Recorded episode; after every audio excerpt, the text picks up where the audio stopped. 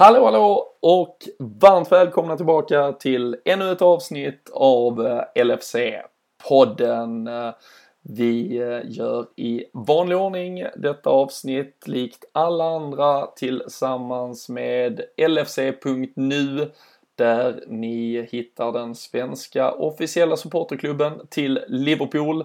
Men såklart också ett eh, kontinuerligt och alltid rykande färskt eh, nyhetsflöde.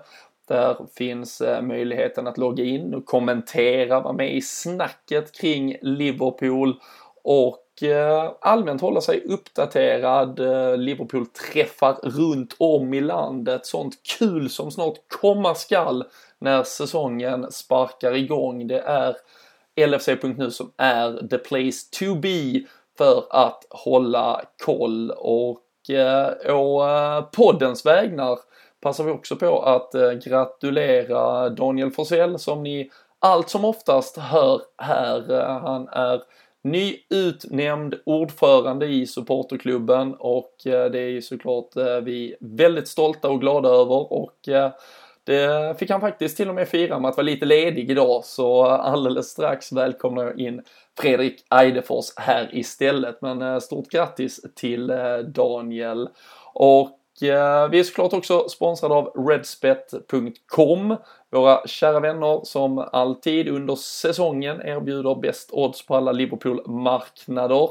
Och här under VM har de ju kört en massa häftiga härliga specialare Eh, de hade några boostade odds på Liverpool-spelare, till exempel att Sadio Mané skulle göra mål. Jag spelade på det för eh, två matcher sedan där när han gjorde mål till exempel. Det var perfekt att passa på. Men eh, är ni inte medlemmar redan så gå in på redspet.com, signa upp er. Välj LFC-podden som er bransch så kommer man då liksom pinga in sig som en del av det Liverpooliska supporterföljet. Eh, de har ju som affärsidé också att 50% av nettoöverskottet går tillbaka till samhället i form av då Liverpool i detta fallet till exempel. Så in, signa upp och eh, så tycker jag vi kör igång ett avsnitt nu istället.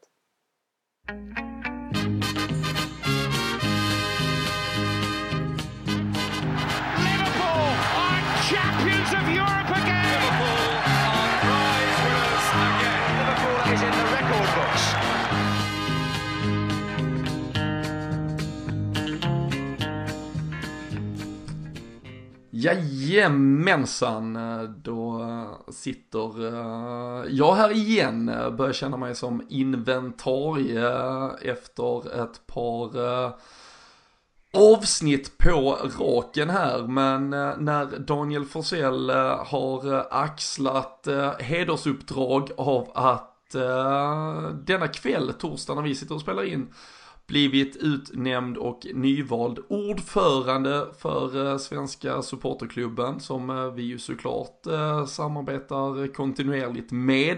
Så får vi väl låta han vara lite ledig Fredrik och så får du hoppa in på bänken. Lite Garrett Southgate rotation som i den engelska truppen. Ja, precis. Nej, jag känner mig lite som en, en, en bänkspelare just nu faktiskt. Jag har varit väldigt upptagen på sistone och men det känns väldigt skönt att, eh, att komma in och vem finns ingen bättre att sitta här och prata med dig lite också. Så det är ju, det är ju um, rutin med lite nytt färskt blod kan man säga trots att jag inte är så ny och färsk i poddsammanhang. Nej men du har varit uh... Du har varit ute och inspirerats. Eh, ja, kan vi, scoutat kan, vi, kan vi säga. Kan vi försöka hitta på något kring i alla fall. Vi, vi ska väl reservera oss lite för också. Vi sitter ju i den ja, värmeböljan som har svept in över Sverige. Så skulle man råka höra något litet fläktsur eller fågelkvitter från öppna fönster så, så får man acceptera det helt enkelt. För det är antingen det eller att vi dör om vi ska sitta här i en timme. Så... Får se vad våra lyssnare föredrar. Ja, ja, precis. De bara, fan stäng av fläkten istället. Ta chansen.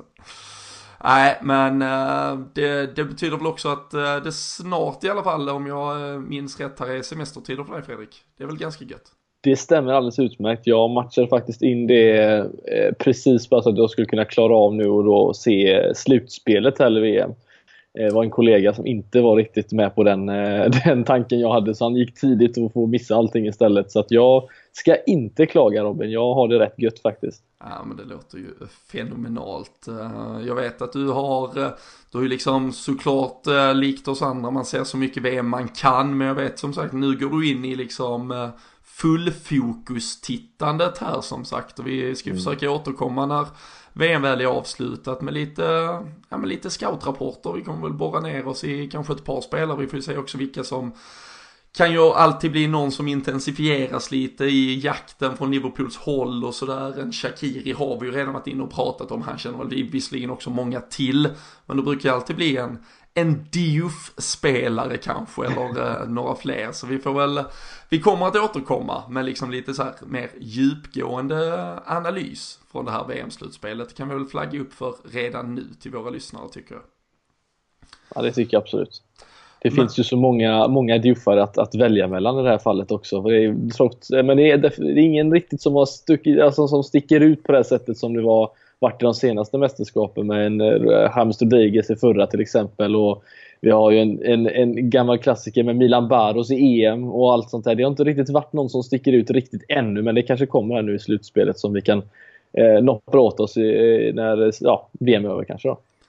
Är det första mästerskapet blir nu har många såklart liksom stor diskussion har ju varit kring eh, Leo Messi och att han då inte har levererat vad man någonstans förväntade sig.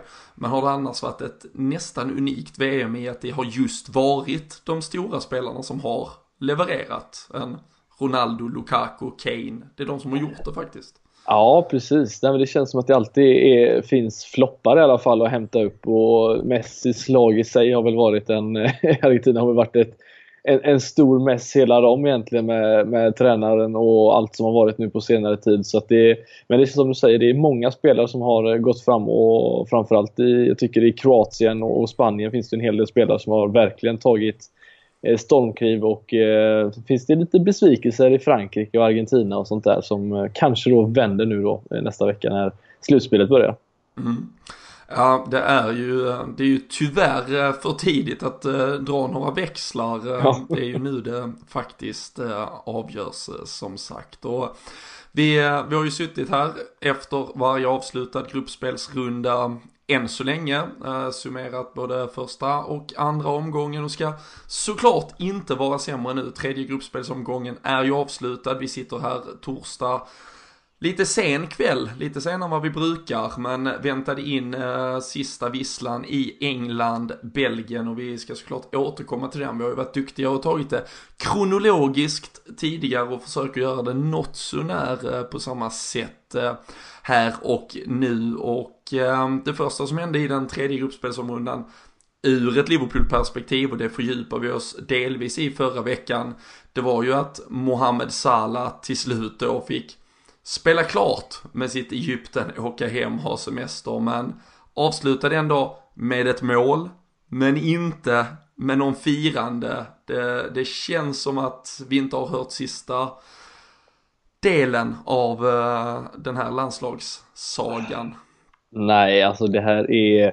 Det, det är så tråkigt också att det här händer för att vi har ju sett Sala i, under säsongen. Han har sett så glad ut. Det känns som att han har liksom han har eh, kommit i form, han, har, eh, han mår bra. Det, det, det är som det känslan är i alla fall att under, han, sen han kom till Liverpool har allting funkat väldigt bra för honom och fick sen skjuta Egypten till, till, till VM och liksom och sen de här senaste veckorna eller månaderna som varit med ja, missade Champions League-final där, eller ja, missade, han blev skadad och eh, det, det, sen dess har det bara gått ut för har varit mycket nyheter kring honom också som jag vet att ni har pratat om i, i podden tidigare också här. Eh, och det, det är synd att se faktiskt, för om det är någon spelare man definitivt inte vill se ledsen eller liksom påverka på det sättet så är det ju en Salah. Inte bara för Liverpool-perspektivet, men eh, just för att det är en väldigt älskvärd person och spelare och det är tråkigt att det har blivit som det har blivit faktiskt här nu. Mm.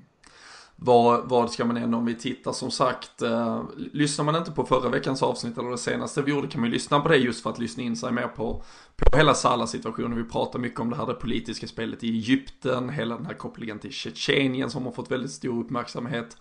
Men när man ändå summerar den sportsliga insatsen så är det två matcher och det är två mål.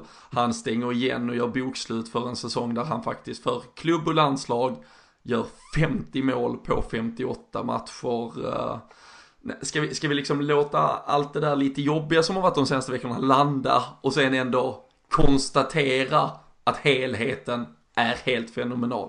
Ja, jo men det tycker jag. Och det är, det, det, är väl egentligen på samma sätt som, som det har varit för honom här nu så som många har pratat om liksom Messi nu för Argentina att, eh, att när, när det laget inte går bra då får det liksom han utstå väldigt mycket kritik och det är väl egentligen samma sak här nu med Egypten som har varit en riktig besvikelse även fast jag inte trodde de kanske skulle gå och vinna hela skiten här nu men eh, det, det, det, han har ju verkligen, han är ju ansiktet utåt för det här Egypten mer än någonsin egentligen nu och eh, har, har som sagt gjort de här två målen eh, på två matcher. Fick ju inte vara med i första matchen där. Eh, så jag kan ju ändå säga att lägger man ett lock på detta så ska han vara fruktansvärt nöjd med vad han har åstadkommit och fått göra två mål i VM här nu dessutom och ja, försökt i alla fall gjort sitt bästa tillsammans med sitt lag. Så att, eh, det tycker jag definitivt att han kan eh, se tillbaka som en, som en eh, ja, lyckad säsong. Mm. Ja men verkligen. Det, vi hoppas väl att uh, han får eh, ta lite semester, slicka såren lite och uh, börja, börja minnas tillbaka på allt det där fantastiska han faktiskt åstadkom och helt enkelt stryka lite streck över vissa av dem kanske tyngre då eh, veckorna som eh, är faktiskt eh, avslutar säsongen helt enkelt. Men vi vill se honom tillbaka i gammalt gott slag på Melwood om ett par veckor helt enkelt.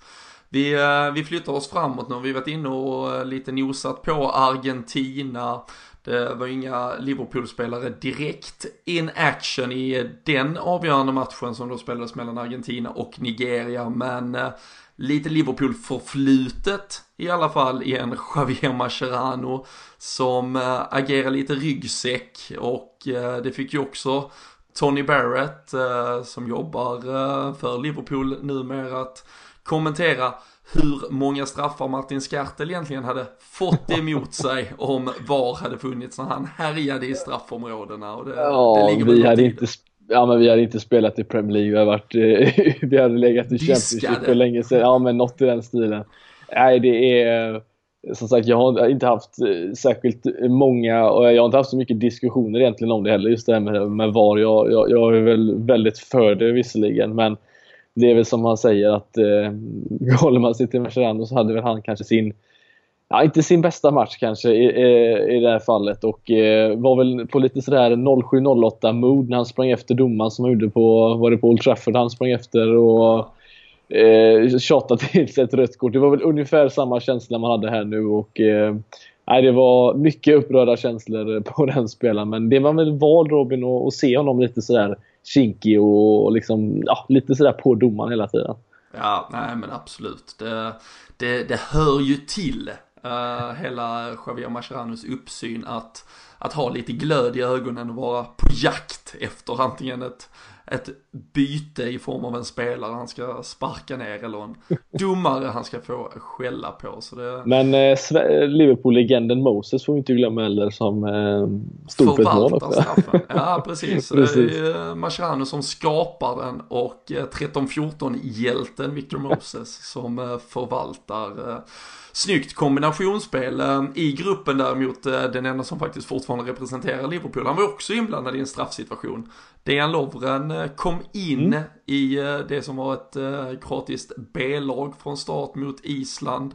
Han vilades men klev in och ville ändå hjälpa våra kära isländska vänner till slutspel genom att ge bort en straff där ja. när han lite obrytt slängde bak armen och stoppade bollen. Precis, nej det det, det, finns så många situationer i det här VMet. Det känns så konstigt där det verkligen känns som att eh, det, det, det, liksom allting känns, det känns uppgivet men framförallt ibland så känns det som att det känns, det känns så färdigt så att de bryr sig liksom inte vad som händer nästan. Och det, det här var väl ett sånt tecken på att de var redan vidare och ja, det kan hända den här gången ungefär då. Men eh, han får gärna hålla sig borta från det nu när eh, säsongen börjar fast i den röda tröjan istället. Det är ju, så, som vi vet, är ju Dejan Lovren en spelare som uh, ja, delar upp oss fans eh, i läger och ibland vill man till och med eh, hoppa mellan lägren under ett par veckor. Han har ju höga toppar och djupa dalar i sig. Han, han har ju fått mycket beröm för sina två inledande matcher. Mm. Det har ju varit ett Kroatien som generellt såklart, som du nämnde inledningsvis, har, har sett fantastiska ut. Ett par spelare som offensivt åtminstone sticker ut ordentligt. Eh, såklart en Luka Modric som varit helt fantastisk. Men, men Lovren har också fått mycket liksom, god kritik. Eh, liksom, det har varit ganska lugnt, det har varit ett fint kompakt Kroatien. Och så kommer ändå en sån där situation. Nu som sagt, de hade inget att spela för, de var gruppettor. Men det känns som att det är ändå ett gruppspel på tre matcher som, som summerar lite allting det Lovren har i sig.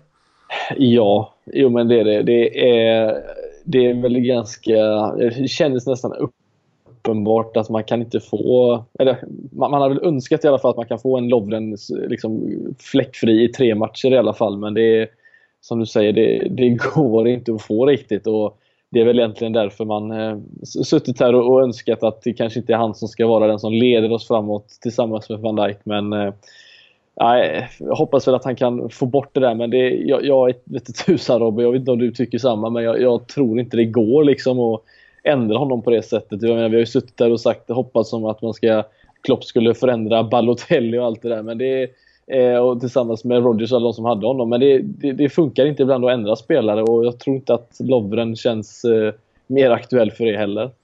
Eller håller du med? Ja, nej men absolut. Um, vi har ju varit eh, väldigt kritiska till Lovren i perioder och det tycker jag att man fick vara med, med fog och, och liksom med, man stod ganska torrt under fötterna i, i den kritiken man framförde mot honom under, under perioder i inledningen på denna säsongen och eh, det har varit under ett par av de föregående säsongerna också men han har ju i det, i det så att säga, om vi ska säga det öppna spelet, det, liksom det, det, det som Liverpool presterade som lag på banan, där blev han ju bättre med van Dijk. Han var mycket bättre som en del av gruppen, som en del av en startelva, från det att van Dijk klev in. Men, men att han har suddat bort sina egna misstag, sitt lilla övermod han har. Så det kommer inte att hända, det tror jag, precis som du nämnde, liksom, det har han kvar, det ligger där.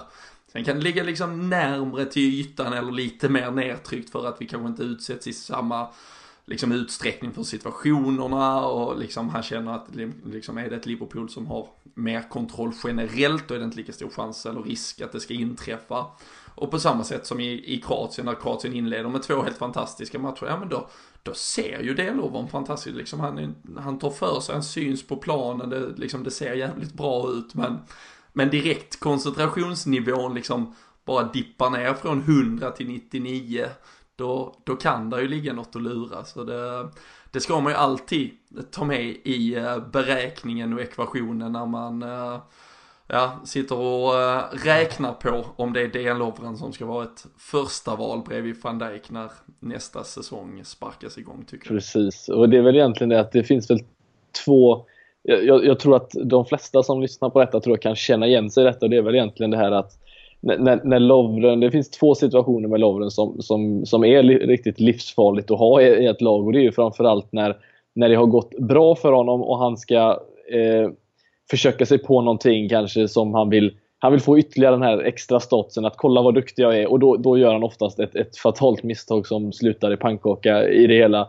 Alternativt en Lovren som har haft väldigt mycket emot sig som sen vill bevisa att nu ska jag bevisa någonting och så blir det ännu mer pannkaka på det hela. Det har vi sett så många gånger. Och, och den spelaren som inte kan hålla det här lugnet eh, som till exempel då van Dijk har. Det är farligt att ha som mittback framförallt för då kan sådana här grejer uppstå och då står man där plötsligt. Jag menar det, här kan, det hade lika gärna kunnat vara en, en, en match på, på Anfield och du leder med 1-0 mot ett ja, mot ett Arsenal, Chelsea eller United vad som helst och, och så står man där med 1-1 plötsligt och allting känns skit igen. Och det är väl det som är så farligt just med, med att ha honom där så, när han är som han är och det, ja, det kommer inte gå att förändra tror jag. Nej, det, det ligger nog något i det där. Um, han blev dock eh, första Liverpool-spelare vidare till slutspel. Och eh, med ett Kroatien då som tog full pott i gruppspelet och eh, ska möta Danmark i åttondelsfinal. Var lite sådär halvblickandes i spåkulan utan att vi eh, går ner allt för djupt i det här slutspelet. Vi kommer ju beta av det efterhand också, men vad ska vi tro om Dejan Lovren och Kroatiens chanser? Blir det sen återkomst till Melwood för Dejan Lovren? Ja, jag tror att eh, av Liverpool-spelarna så tror jag att han kan eh, hålla sig kvar i Ryssland ganska länge faktiskt. Eh, jag tror att de tar Danmark framförallt eh, i Kroatien och jag tror att de kan gå rätt långt faktiskt. Eh, det ser väl ut, om jag håll, har min bracket rätt, att det kan bli ett Spanien i, i nästa match om de går vidare.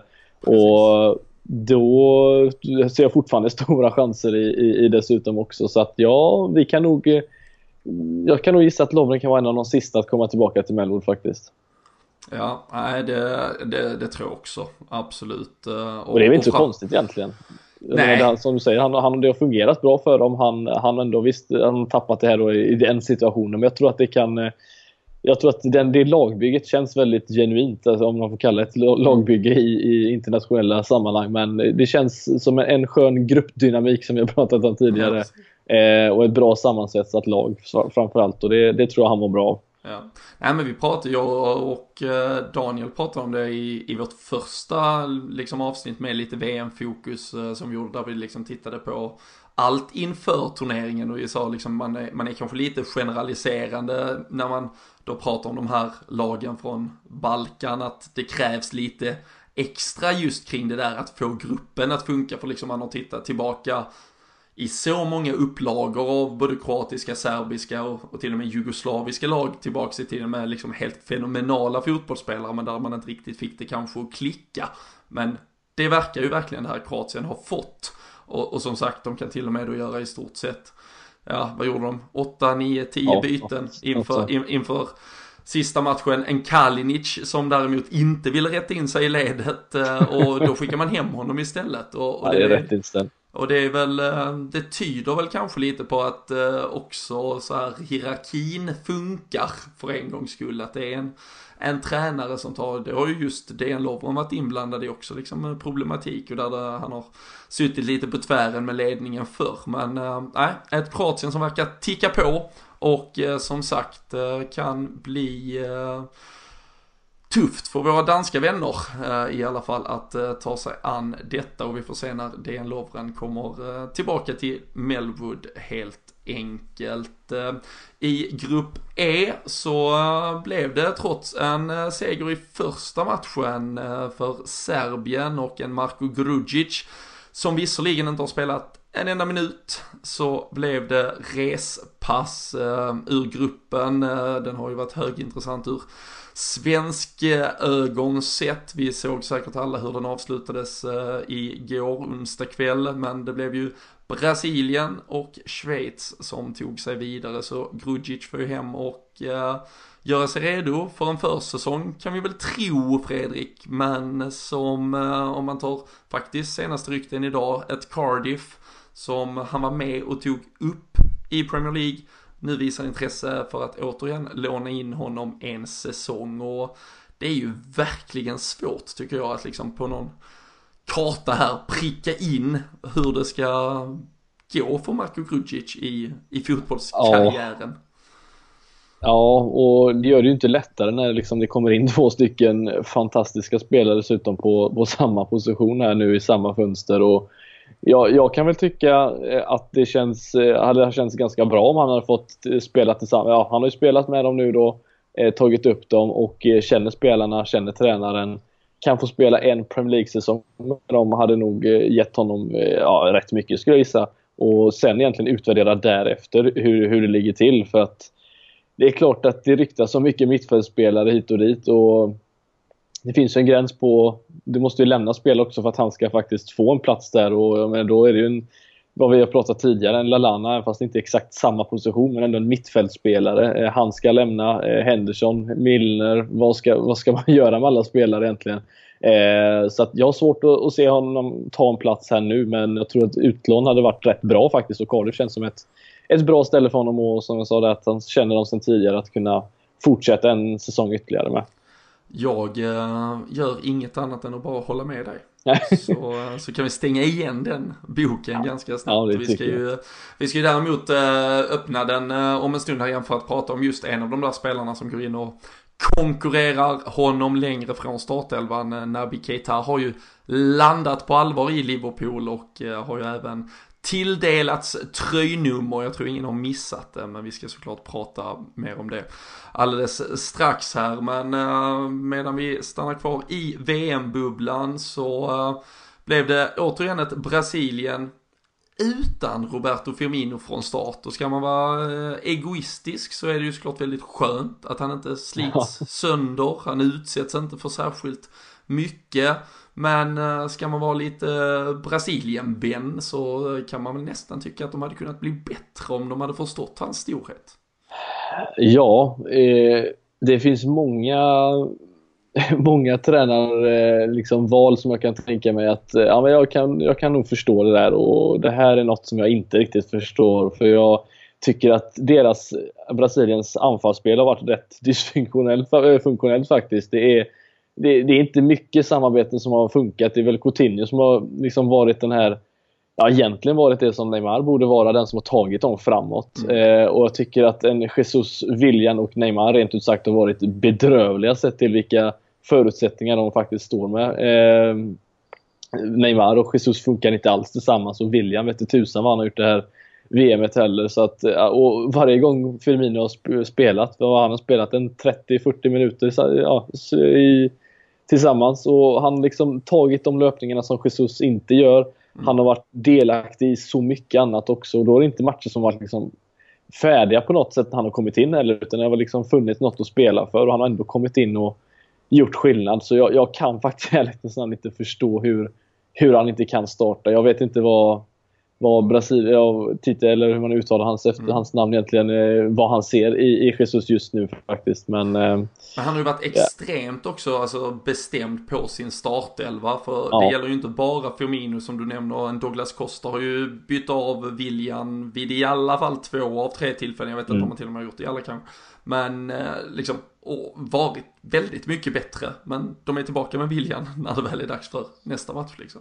Ja, jag, jag vet faktiskt inte. Och det, och det, det som, som jag gillar med Firmino egentligen, det är just att han, han är ju...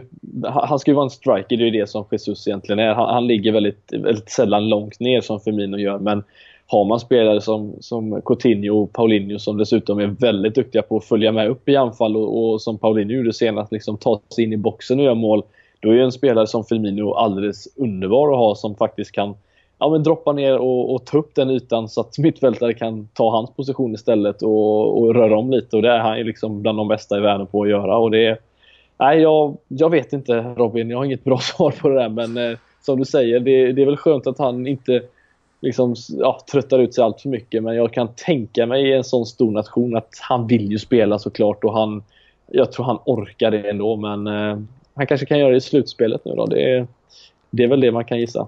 Ja, det känns ju som att något så här den perfekta mixen måste ju vara att han bara gör sådär en 10-15 minuter varje match men att han sen avgör VM-finalen typ. då, då, har vi fått ut ett mål varje gång han kommer in. Liksom. Han, har, han har bara förbrukat 90 minuter fotboll under hela mästerskapet men han har tagit ett VM-guld till Brasilien. Då, ja.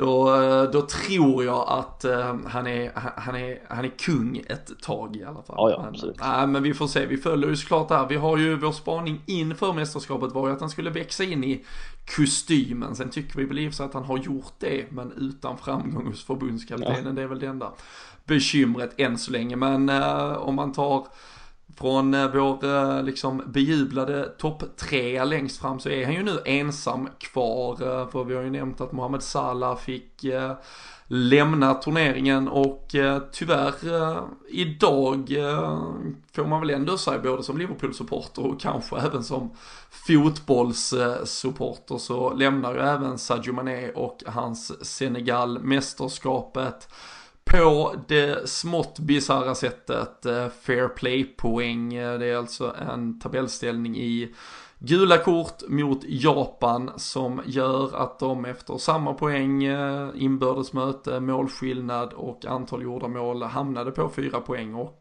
japanerna då enligt domarna och de här tre matcherna man har spelat i gruppspelet har varit lite snällare i form av hur de har bestraffats i alla fall med då kort och eh, tar sig vidare. Ehm, det känns ju, om, om det hade varit ganska gött att ha en spelare som avgjorde en VM-final så känns det ju inte som att Sadio Mané åker hem och är jävligt glad på det här sättet han åker ut på. Nej, det, det tror jag inte. Och eh, Alltså nej, det, det, väl, det, finns väl rätt många andra sätt det här hade kunnat eh, spelas ut på istället än en fair play kan jag tycka. Eh, lägg en straffläggning, eh, vad som helst, liksom, men inte, inte just fair play. Sen kan man väl säga att har man sett Senegal de här matcherna, som, jag har ju kollat på de matcherna de har spelat, det är ju ett ganska aggressivt lag som, som, som spelar. Det är mycket, mycket spelare som är i hälarna och, och trampar på motståndarna och liksom det är, det är, inte konstigt att de åker ut på det här sättet när man, om, om, det här, om de vet redan sedan innan att det här är reglerna så att säga. Men eh, nej, det är inte ett roligt sätt att åka ut i alla fall. Och man är som sagt som har känts, eller det har ju ryktats lite om det här med Real Madrid och att han vill ta nästa steg och liknande. Och det är klart att ju, ju, ju mer besviken han är desto mer, mer eh, ur balans känns det som att han kanske är. Man vet inte riktigt hur Lite hur mer utrymme att börja tänka lite kring sin ja, fotboll efter Typ så, absolut. Nu har ju inte Liverpool någonting med det här att göra i sig, men hans karriär, absolut. Han, han har mycket tid att tänka. Det, det är klart att det, det påverkar, men eh, Nej, han känns som en spelare man inte vill ha på dåligt humör av om, man, om det är någon av de tre där framme faktiskt. För han känns... Eh, man vet inte riktigt vad man har honom då. Ja. Jag, tror, eh, jag tror att vi tog med det också i, i eh, vårt inför avsnitt där inför VM. Annars, annars var det något vi bara pratade om vid sidan av. Då får man ur sig. Men vi, vi, vi flaggar ju upp Senegal som en potentiell lite så här bubblare. Kanske ett, skulle kunna ta sig till en kvartsfinal. Framförallt om det klickade för Sadio Mané. Men vi, så nämnde vi också i, liksom i förbi, vi pratade i alla fall om det här att just Sen är de ju lite de, de är lite aggressiva. Mm. Äh, där ligger liksom något där som inte, det kan vara ett rött kort från ingenstans. Äh, nu blev det ju inte så men tyvärr då för deras del äh, ett par gula för mycket. Och jag, jag håller med dig precis som du säger, jag tycker det är en uh, jävligt konstig regel och ett jävligt konstigt sätt att sålla... Men har det varit så tidigare? Jag har ju aldrig varit med om det här. Man, jag, jag, jag minns ju inte att VM 02 liksom, att Nej, någon gick vidare på grund av mindre gula Man hamnar ju inte i någon annan situation där det behövdes lotta. Det, det bisarra var ju att vi hade ju de tre från Sverige och, och ner nu här, de tre avslutande grupperna. Det var ju ett scenario där det skulle vara fair play-poäng som avgjorde mellan Sverige och mm. Tyskland, vem som vann gruppen. Vi har ju nyss då sett Belgien, England också där det medan det stod lika var exakt ett sånt avgörande också som skulle till. Och eh, vi fick det i, eh, i Japan, Senegal där i grupp H också. Men det bör ju ha varit något liknande. Alltså det måste ju ha varit något så här, alltså lottning har man ju inte varit med om. Ja, det är väl de det absolut sämsta mästerskapen man själv har avverkat i alla fall. Så, ja. så där måste ju ha funnits eh, någon, eh, någon urskiljare. Och eh, det krävs nog en helt egen podd och där finns ju VM-poddar från eh, varenda mediehus. ja men det är lite som när vi försökte gå igenom holländska Ja men där hade de, ligan, hade vi de hade kunnat lösa det kan jag lova. Ja, ja. Där, eh, det, det, hade bara varit till att spela någon, eh, något eh, trippel halvlekssystem där den som gjorde mål först fick ta två insparkar och ett inkast och sen gå vidare. Den, det kräver sin egen Pythagoras sats för att ja, räkna precis. ut. Men eh, som sagt. Vad säger vi om Mané då och hans VM? Ja, men, han, han river ju på. Jag tyckte han var egentligen spelmässigt kanske bäst i första matchen. Uh, tyckte han uh, var ganska involverad. Sen gör han ju mål i, i andra. Uh, men det är ju ett turmål får man väl verkligen mm. säga. Det är ju en, en studs liksom. Men Sen fick han ju en, en, straff idag också som sen då helt uh, rättmätigt, uh, om vi nu ska lyfta VAR lite, uh, dömdes bort sen igen. Såg ju vid första anblick verkligen ut som en straff tyckte jag också. Men det visade ju sig att det var Davinson Sanchez som gör en helt fenomenal brytning faktiskt. Uh, och sen därefter tyckte jag att hans luft lite gick ur honom. Han började ganska pikt idag också. Och eh, som, du, som du säger, liksom, en spelare man inte vill ha på dåligt humör. Så, han är ju humörspelare, absolut. Och eh, han är ju, gör ju sig inte jättebra i ett, i ett stressat, pressat Senegal sista 20-25 minuterna där tycker jag. Hela lag, de var ganska dåliga som lag att omfamna mm. den uppgiften. Ja. Och äh, där, äh, nej, där lyckades inte Mané heller riktigt äh, sticka ut.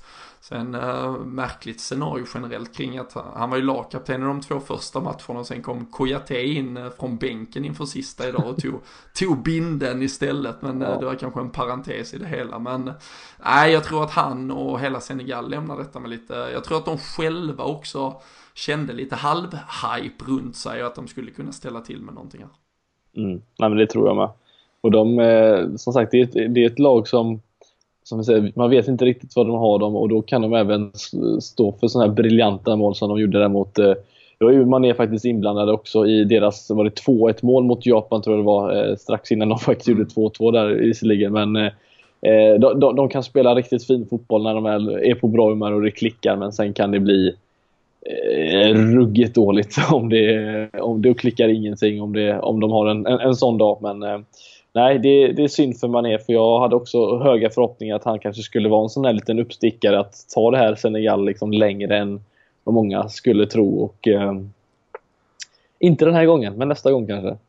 Han skulle helt enkelt vara El Hadji Diouf-spelaren ja. vi redan ägde. Så att Just vi slapp uh, impulsköpa honom på, på studs. Det hade blivit dyrt annars. Ja, det hade det absolut blivit. Uh, sista gruppen och uh, sista matchen, vi berörde den alldeles nyss här. Uh, Belgien-England ur Liverpool-intresse. En Simon Mignolet som satt fastspikad på bänken. Han har ju fullt upp nu. Nu har jag sett utöver sina pepp-videos har han ju nu börjat göra sitt eget eh, framsidestoff, liksom en tidnings... Eh, han körde Daily Simon i morse. Där han mm. Eh, hade klippt ut alla engelska klyschor på liksom Can we tame the three lions och uh, Will the real three lions please stand up? Han har spårat fullständigt. Jag skulle, det jag skulle vilja veta, och det här hoppas jag är sant nu, men det, det finns inget bekräftat, det är att han, han har med sig typ ett, ett team som hjälper honom med de här grejerna. Så att han har, han har ett socialt mediagäng som liksom reser med Belgien. Det hade jag hoppats verkligen han haft det nu. Och som sitter där och bollar idéer med honom på, på bänken. Liksom, hur ska vi göra nu nästa tweet? Det hade varit helt underbart om det hade varit så, men jag tror inte så Robin. Alltså man kan ju tänka att han kanske till och med liksom så här efter träningen, om han inte ska göra liksom media, då sätter han sig med journalisterna istället. Och liksom ställer frågor. Han har liksom akkreditering också för liksom en dubbeljobbare jävla ja, Han är ju en smart, eh, han är ju en smart man egentligen. Han har väl flera olika typer av utbildningar eh, om man förstått det rätt. Så han är inte han skulle nog kunna göra någonting annat än att spela fotboll. Jag tror polit politiker skulle han kunna varit. Uh, ja men det kan, kan komma med tiden om ja, man inte öppnar precis. upp något eget uh, mediahus kanske. Vi får, vi får se. England däremot å sin sida, Jordan Henderson som har gjort ett riktigt fint VM i de här två inledande matcherna bänkades. Det var ju precis som i Kroatien-fallet ett Belgien och England som vilade då åtta respektive nio spelare. Men det betyder däremot VM-debut för Trent Alexander-Arnold och eh, ja, men kronan på verket verkligen i en säsong där han faktiskt, det är alltså inte ens ett år sedan han debuterade i det engelska U21-landslaget. Det gjorde han i september 2017.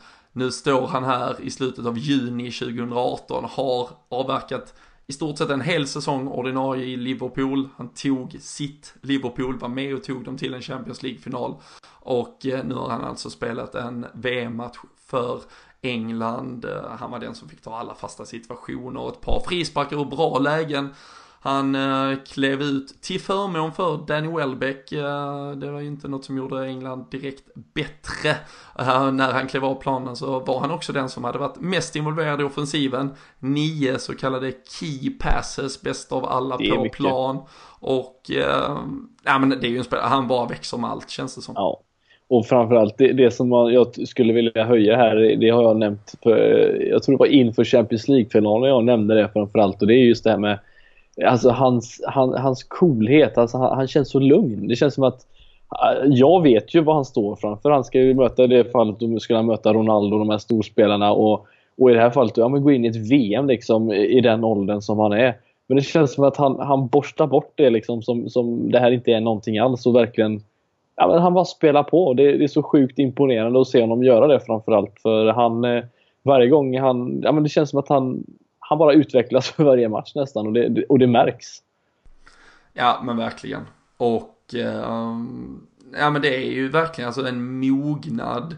Det, jag tyckte liksom snacket om vi, om vi spolar ungefär ett år början av förra säsongen. Då var det ju mycket där, ja men när vi vill ha den här ja, men lite frenetisk energi offensivt. Vi vet att vi är spelför, ja men då kan vi spela Trent och så spelar vi Joe Gomez när vi vill vara lite mer balanserade och stabila. Men, men den pendeln kände man ju redan under säsongen och kanske under vintern någon gång. Joe Gomez var ganska misstagsbenägen. Den, den svängde över, men jag tror när man tittar nu på det liksom, och försöker summera det och analysera det som hände under året. Det var ju inte bara att Joe Gomez gjorde lite, utan Trent växte ju verkligen in i det. Mm.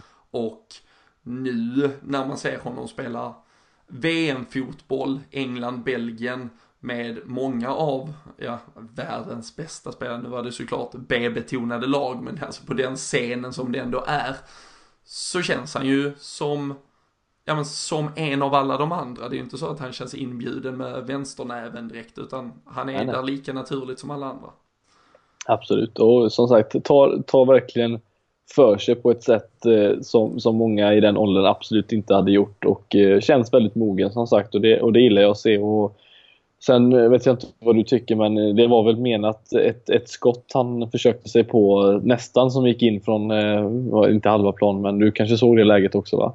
Nej, det missade han, jag. Han hade, han hade ett inlägg som man trodde han skulle göra, men så drog han den nästan in i mål, eh, över målakten. Och jag, jag, tyckte det såg ut som ett skott istället för en passning. Men det, det är just det min tanke är. Min poäng i alla fall att han, han känns... Han vågar. Han vågar sig på, även fast han liksom inte är den mest rutinerade så vågar han sig på de grejerna och... Eh... Ja men herregud, han stod, tog liksom tre meter utanför straffområdet var det han som tog frisparkarna. Mm. Alltså det, visserligen ja, med några då stjärnor som, men en Eric Dyer som har, han har ju till och med borrat upp ett par sådana frisparkar mm. i krysset och var lagkapten idag. Men det var Trent som, som ställde sig där och pustade ut. Man, man hoppades ju lite på en sån Hoffenheim frispark från, oh. Från ett ganska exakt år tillbaka. Men uh, han fick gå mållös. Uh, men det är väl kanske inte just exakt det han ska bidra med. Men England har bra alternativ. Trippier har ju faktiskt, pratade vi om förra avsnittet, jag tycker han har gjort det bra för England. Så jag tror att han går in och är mm. etta när de nu ska åttondelsfinalspela mot Colombia. Och nu är de ju på den där svensk sidan som lite lite slarvigt men såklart med viss eh, tyngd eh, anses vara den lätt sidan om man nu ska ta sig någonstans i detta mästerskapet. Men Sverige eller Schweiz och så England, Colombia möts så kan ju potentiellt vara en eh, för oss Liverpool och Premier League-älskare en fenomenal VM-kvartsfinal om ett par dagar, en dryg vecka lite till. Men mm. vi ska väl inte våga gå så långt Nej, det gör vi inte. i förväg. Ehm, däremot eh, så kan vi väl stanna, nu har vi, vi har pratat om det ehm, i podden lite in och ut sådär, man har ju touchat det, den har ju hängt lite sådär i luften hela tiden. Sherdan Shakiri, vi har pratat om det, men nu är det Sverige mot Schweiz. Och uh, idag tidigt i morse så kom det också lite uppgifter för, från Independent, Oliver Bond som som vi hade med i podden. Vi träffade honom när vi var och spelade in vårt Porto-avsnitt. Det är ju visserligen en, en tid sedan nu, men han är ju en av de som brukar ha eh, lite nyhetsstoff ganska tidigt när det börjar sippra kring eh, Liverpool i alla fall. Och nu rapporterade han eh, lite då å Independence vägnar, men han valde att ändå ta upp den, att Shakiri faktiskt mycket väl kan komma att bli Liverpool-spelare efter detta VM-slutspel. Och för de pengarna, det var, pratade vi om förra veckan, men eh, jag, jag, antar att du inte heller känner att det skulle vara helt bortkastat att lägga den lilla nätta prislapp som du faktiskt numera nämns kring på Shakiri.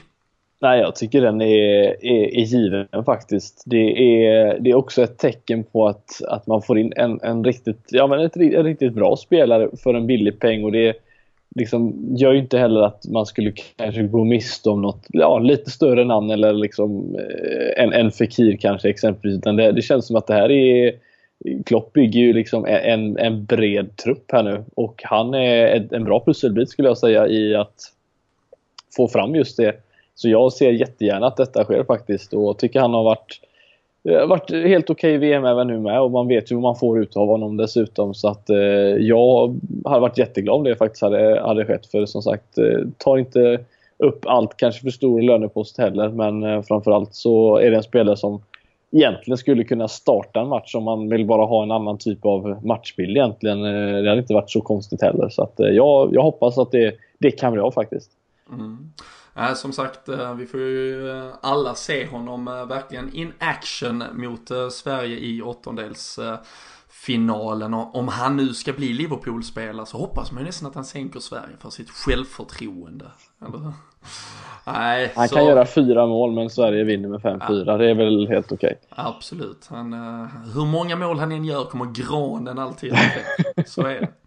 Så är det. Uh, däremot, uh, om vi pratar lite Sverige, om vi uh, snappar upp något mer från den gruppen, så är det ju faktiskt att uh, Jong Min Son, uh, sydkoreanen, han gjorde ju sitt andra mål i detta VM dessutom, när Sydkorea förpassade Tyskland ut ur mästerskapet.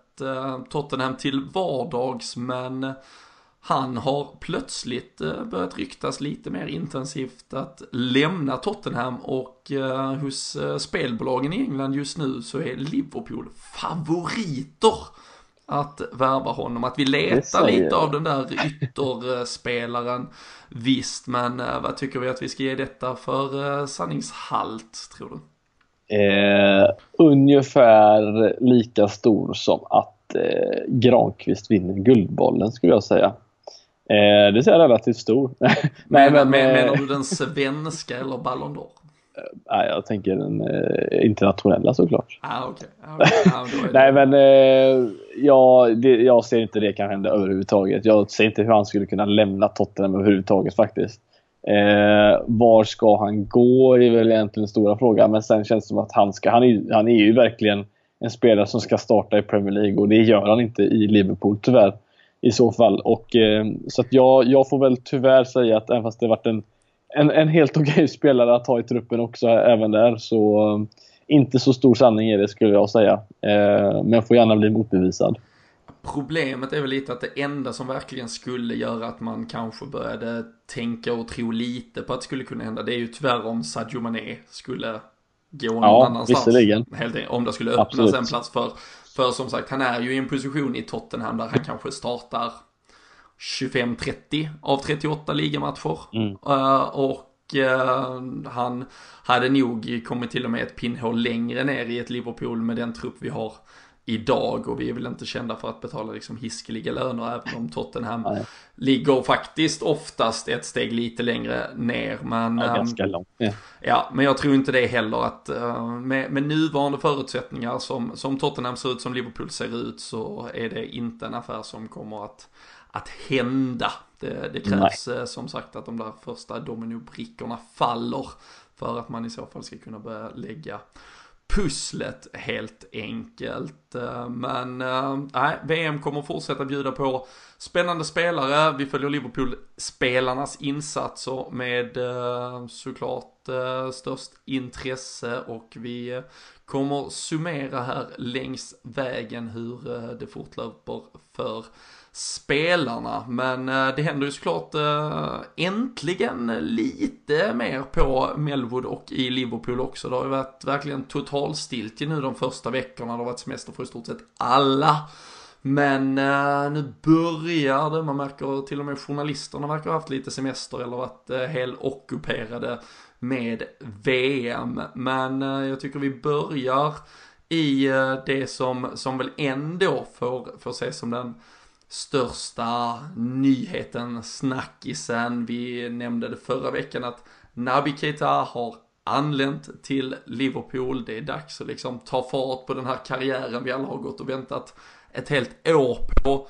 Och eh, så kablades det ju även ut bilder och det är nu bekräftat att han kommer att bli den första efter den största att eh, bära tröja nummer åtta. Ska vi stanna lite vid eh, signifikansen för det och hur stort det är att han eh, faktiskt har den tröjan? Alltså jag, jag kanske låter jättetråkig nu, men jag, jag förstår inte varför det är en så stor grej. Det är inte så att det här numret riktigt liksom, det är inte så att det kommer väga tyngre på något sätt. Det är ju snarare när en spelare ska ersätta en spelare rakt av. Det kan jag ju tycka kan tynga, men inte det här med numret. Jag kanske är jättetråkig när jag säger det, men jag tror inte detta kommer vara ett problem. Däremot så är det ju kul såklart att vi att eh, en mittfältare slipper springa runt med 55 på ryggen. Det är väl en helt annan grej, men eh, ja, ja, säg någonting Robin. Jag, jag tycker inte alls att det är så, så coolt som många verkar få det att tro. Nej men jag, tycker, nej, men jag tycker du, du, har, du har helt rätt i din poäng vad gäller det här men, tyngden på axlarna. Den är ju om Steven Gerrard slutade igår när Bikita köps idag. Då är det mm. ju tyngden, du ska ersätta honom. Här tror jag mer det skulle vara liksom förväntningarna som eventuellt kommer med att ja men de senaste två åren då har vi inte haft någon värdig att bära tröjan. Lite den stilen. Nu, mm. nu har du kommit, du är värdig att bära den. Dig tror vi så mycket på så du ska faktiskt få ha den. Sen tror jag väldigt mycket handlar om vad, vad klubben nu gör av. Alltså det ska inte, jag hoppas, nu var det ju liksom i lanseringen man såg, det här var ju bilder för det var den gamla matchtröjan så det var troligtvis bilder tagna för rent av ett år sedan, men annars om han har varit där i vintras till exempel eller någonting. Eh, det var liksom en Steven Gerrard i Liverpool-kläder på Melwood som räcker över tröjan, men låt det vara där. Liksom, mm. låt, låt oss slippa att om han gör mål i sin andra match för Liverpool, att någon börjar räkna ut, ja men så gjorde Steven Gerrard också, så gjorde sig. Alltså, mm. det räcker sen liksom. De är helt ja. olika spelare, de Precis. kommer fylla helt olika funktioner på planen, det kommer vara liksom helt olika saker de sticker ut i statistiken, låt det inte bli någon tävling eller konkurrens eller någonting. Utan eh, jag tycker att det visar att Naby Keita är en spelare Liverpool tror så mycket på, man hoppas få behålla honom så länge. Det är ju fantastiska intervjuer han, han gör inledningsvis. Mm. Liksom han, han har ju, ja men han verkar ju faktiskt ha en, en genuin kärlek till klubben. Det är liksom jätte, man säger det slentrianmässigt och sen går de till Barcelona om två år kanske. Men, men ja, vi får väl vara lite blåögda och blinda. Men, men det känns jättepositivt. Det känns liksom det var ju, det är ju lite, det är ju ett extremfall när du faktiskt signar från klubb ett helt år i förväg och så här. Så det tycker jag ändå stärker tesen kring att han vill spela fotboll för Liverpool. Och mm. förhoppningsvis vill han göra det länge. Och förhoppningsvis så har han en, en fin karriär. Han har redan inlett en jättefin karriär i Bundesliga och har förhoppningsvis liksom nya, nya nivåer att ta till och eh, kan bära upp då tröjan eh, på, på det sättet. Men jag tycker bara det visar att du är en, liksom, du har kommit hit för att bli, du ska bli en stjärna i Liverpool. Du är köpt mm. som en stjärna. Det tror jag han hade förstått oavsett om vi hade gett han 8, 10 eller 14 på ryggen. Ja. Men det är klart att där, där ligger något litet symbolvärde i att, ja du är till och med liksom, du, du, du är ordinarie. Såvida du själv inte säger att du inte kan spela så är du en del av ja, starten. Det tror jag däremot liksom. Absolut. Nej, men det här är som sagt, jag har följt Bundesliga eh, som sagt ganska mycket och det är väl egentligen eh, de två lagen, tre lagen egentligen som, som har följt. Det är ju de stora liksom Dortmund, Leipzig i detta fallet på grund av det som har hänt nu med dem som uppstickare och, och Bayern och det är liksom eh, en, en Keita som i stormatcherna verkligen sticker ut. I vissa fall på negativt med, med, med röda kort och lite höga stämplingar och liknande. Det, det är också någonting man kommer få ta med sig av honom men framförallt alltså hans spelintelligens och sättet han bryter sig igenom genom att egentligen bara löpa igenom likt, eh, jag vet inte vem egentligen, men ha bollen så nära fötterna och den speeden han har. Det kommer bli riktigt trevligt att se honom i en, eh, i en Liverpool-tröja nu framförallt. Och eh, jag tror att han kommer ta Premier League med, med stormsteg för att han, han känns så redo att ta det här steget nu. Så att det, det ska bli riktigt roligt. Jag har verkligen väntat ett år på detta, vilket känns rätt skönt nu. Men som sagt, har man väntat att se Sverige spela VM i 12 år så kan man vänta ett år kanske på Keita. Ja. ja. vi får ju hoppas att ligan inte avgörs på uh, fair play-poäng uh, i, i, maj. Det kan vara att uh, Keita har plockat ett, ett gult för mycket längs vägen. Han, eh, han har ju haft ganska höga stats där, men han kanske fyllde sin kvot nu under slutsäsongen i Tyskland. Han stannar väl på, med eh, internationella matcher så tror jag han stannar på fyra röda kort totalt under ja, förra säsongen. Fan, alltså. Men, äh, men det uppskattar vi. Det behövs ja. lite mer jävla anamma i äh, detta Liverpool. Så Absolut. vi, nej, vi ser verkligen fram emot att se äh, Naby Keita komma igång och små, återigen symbolvärden i att han verkar liksom ha själv avbrutit semestern lite tidigare, vill komma igång, börjat smygträna inför att det då blir eh, helt officiellt och att han egentligen kickstartar sin karriär nu här första juli uh, för Liverpool och så kommer ju snart träningsmatcherna. Liverpool uh, kommer ju träningsspela väldigt flitigt med väldigt varierad kompott säkerligen vilka lag som ställs på banan men snart får vi säkerligen våra första skymtar av honom och det ser vi såklart fram emot eh, med, ja, men med stor Finns det någon form av nyhet om Fabinho när han eh, ja, så att säga kan presenteras på det sättet också? Liksom, ja, det, han, han, ska ju också ha landat i Liverpool i, kan det ha varit igår, onsdag mm. eh, i så fall och, eh, och ska väl egentligen, han har ju inte haft något landslagssamlande sen säsongslutet. Så det är ju återsamling med övriga truppen när det nu är, jag tror det är par dagar in i juli. Sen eh, är det ju redan en del spelare som rehabbar och så vidare på Melwood. Och det var mm. väl några av dem som eh, Keita hade varit ute och träffat nu och varit eh, ute och joggat lite i alla fall för att mm. så smått komma igång. Och snart kommer vi se gänget och som sagt det blir väl alla utom Dejan Lovren till slut. Han kanske spelar VM-final för Kroatien helt enkelt. Så. Ja. ja, men det finns en hel del spelare som ändå liksom eh, ordinarie som, som, som är, ja, inte är eh, med i VM som ändå är aktuella. Liksom det är en Robertson, du har en van Dijk, eh, då har du Fabinho, Keita, Wijnaldum, Milner. Wijnaldum, Milner. Eh, Chamberlain kommer ju träna sig i form kanske snart. Jag vet inte hur, hur snabbt det, eller exakt hur det har gått för honom. Men Nej, det finns både Karius och Ward i målet. Det, ja, så det, det finns bra ska... förutsättningar i alla fall att kunna bygga på här på försäsongen, vilket känns bra. Precis, och eh, det kan ju faktiskt lämna oss, eh, eller ta oss eh, in på, eh, på sluttampen och det som eh, i övrigt har varit ganska aktuellt den här veckan att eh, Anfallspositionen såklart eh, är Roberto Firmino eh, inte ordinarie i Brasilien så kan vi konstatera att han eh, med all säkerhet däremot är det i Liverpool. Och vi pratade för någon vecka sedan om en Ryan Brewster den unge lovande talangen som av allt att döma nu har skrivit på ett långtidskontrakt. Och uppges få chanserna att bevisa sig att han faktiskt dessutom har i den här truppen eh, på allvar att göra och eh, därefter eh, och, eller där utöver i Uh, listan efter Firmino så är det ju en Dominic Solankin, Danny Ings och en Divock Origi plus en Daniel Sturridge. Vi får väl se vad han kan göra nu på försäsongen uh, också faktiskt. Men uh, där snacket på stan, om vi säger så, från journalisterna i alla fall runt Melwood, är att Divock Origi, både från hans sida, han vill få chansen under försäsongen, ledarna vill se honom under försäsongen, medan Danny Ings troligtvis har eh, fått det bekräftat från klubben att de gärna behåller honom, men att han absolut inte är garanterad någon speltid och att de kommer lyssna på bud om han vill vidare och då har han sagt att han vill och eh, det, det känner väl LFC-podden som eh, liksom svenskt incitament här att eh, det står vi bakom Fredrik. Ja, det tycker jag.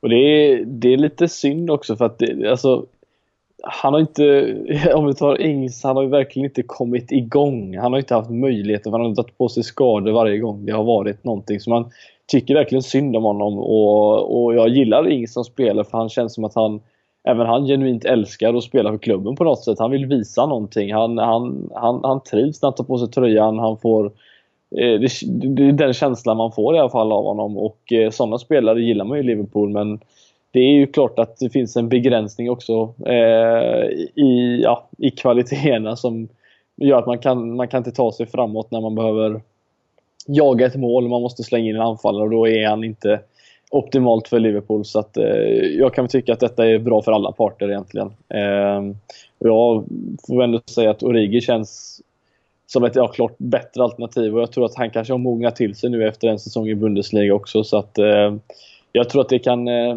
se helt okej okay ut på anfallsfronten i alla fall. Eh, jag tror väl att Sturridge lämnar i slutändan och Ings och då är frågan Robin om det ska in någon därefter eller om man eh, satsar på ungtupparna bakom tillsammans med Origi.